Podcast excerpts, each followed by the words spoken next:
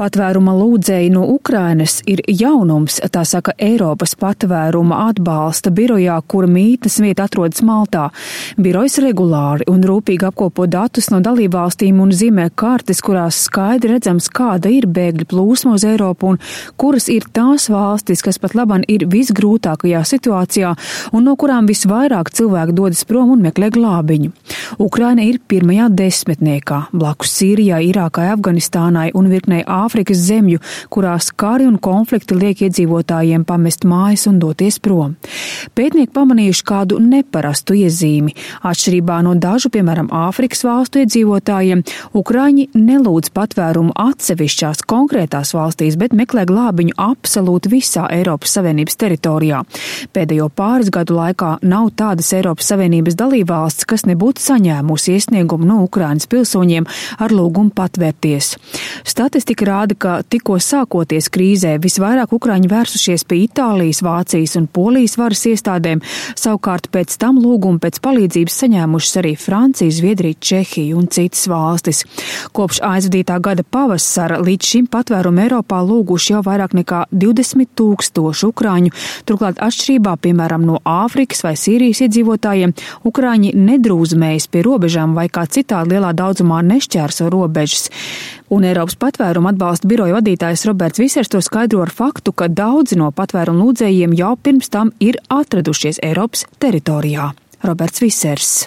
Situation with Ukrainians is very different than many other uh, Ar Ukrainas patvērumu meklētāju migrācijas situācija ir pilnīgi atšķirīga no visām tām, ko esam vērojuši līdz šim.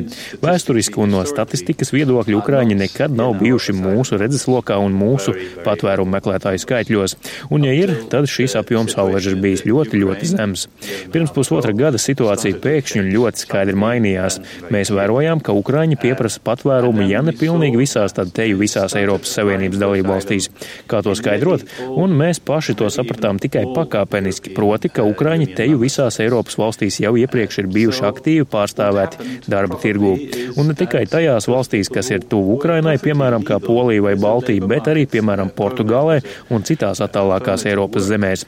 Un lūk, notika tā, ka tie cilvēki, kuriem jau bija darba atļaujas un kuri pilnīgi legāli un oficiāli uzturējās Eiropā no draugiem, televizora sarunām ar mainiekiem pa telefonu uzzinājuši par situāciju Ukrainā, nolēma, ka gribētu palikt šeit vismaz uz kādu laiku, lai redzētu, ka situācija attīstās līdztekus darba atļaujai un vīzai, pieprasot arī patvērumu. Additionally to their visa, their labor permit, for asylum. Šo pieprasījumu skaits aug augumā un vairāk kļūst arī to, kas ieceļo no malas. Visaugstākos rādītājus līkni sasniedz oktobrī, kad glābiņu vienā mēnesī lūdza vairāk nekā 2000 ukrāņu. Tagad pēdējā laikā patvērumu lūdzēja skaits par pāris simtiem sarucis, bet eksperti prognozē, ka kaujām sāsinoties Ukrainas austrumos vasaras mēnešos tas varētu atkal augt. Aug arī to pieprasījumu skaits, kas saņem pozitīvu atbildi, piemēram, šajā aprīlī no teju diviem tūkstošiem lūdzēja pozitīvu atbildi saņēmuši teju puse. Arī Latvijā neatslāpst interesi no Ukrāņu puses, to apstiprina pilsonības un migrācijas lietu pārvaldes pārstāve Laura Laiva. Pērn bijuši 75 pieteikumi. Šogad līdz jūnijām ir saņemti 28 pieteikumi no Ukrāņas valsts piedarīgajiem, kas ir būtisks pieaugums, ja ņem vērā, ka iepriekš iesniegumu no Ukrāņas puses nav bijis vispār vai tikai pāris gadā. Laura Laiva bet jāsaka, liela daļa no viņiem tomēr ir atteikušies. Pēc pārunām ar viņiem viņi ir atteikušies no vēlmes saņemt šo kādu no patvērumu meklētāju statusiem, jo viņiem ir iespēja Latvijā, viņiem ir radinieki vai draugi, un viņiem ir iespēja saņemt šeit nokārtot uzturēšanās atļauju, un attiecīgi liela daļa ir izmantojuši šādu iespēju. Un šobrīd muciniekos mums dzīvo tikai pāris cilvēki no Ukrainas, un liela daļa, ja viņi ir atteikušies saņemt patvērumu pie mums Latvijā, tad viņi vienkārši uzturās Latvijā ar kādu no uzturēšanās atļaujām.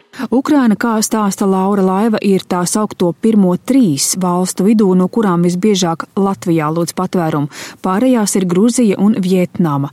Pat labā nevienam no Ukrainas pilsoņiem aizsardzības status Latvijā nav piešķirts, jo, kā norāda Laura Laiva, Latvijā tāpat kā citās Eiropas Savienības valstīs vēro situācijas attīstību Ukrainā un turpinās pieteikumu izskatīšanas procedūra. Tas varētu ilgt gadu.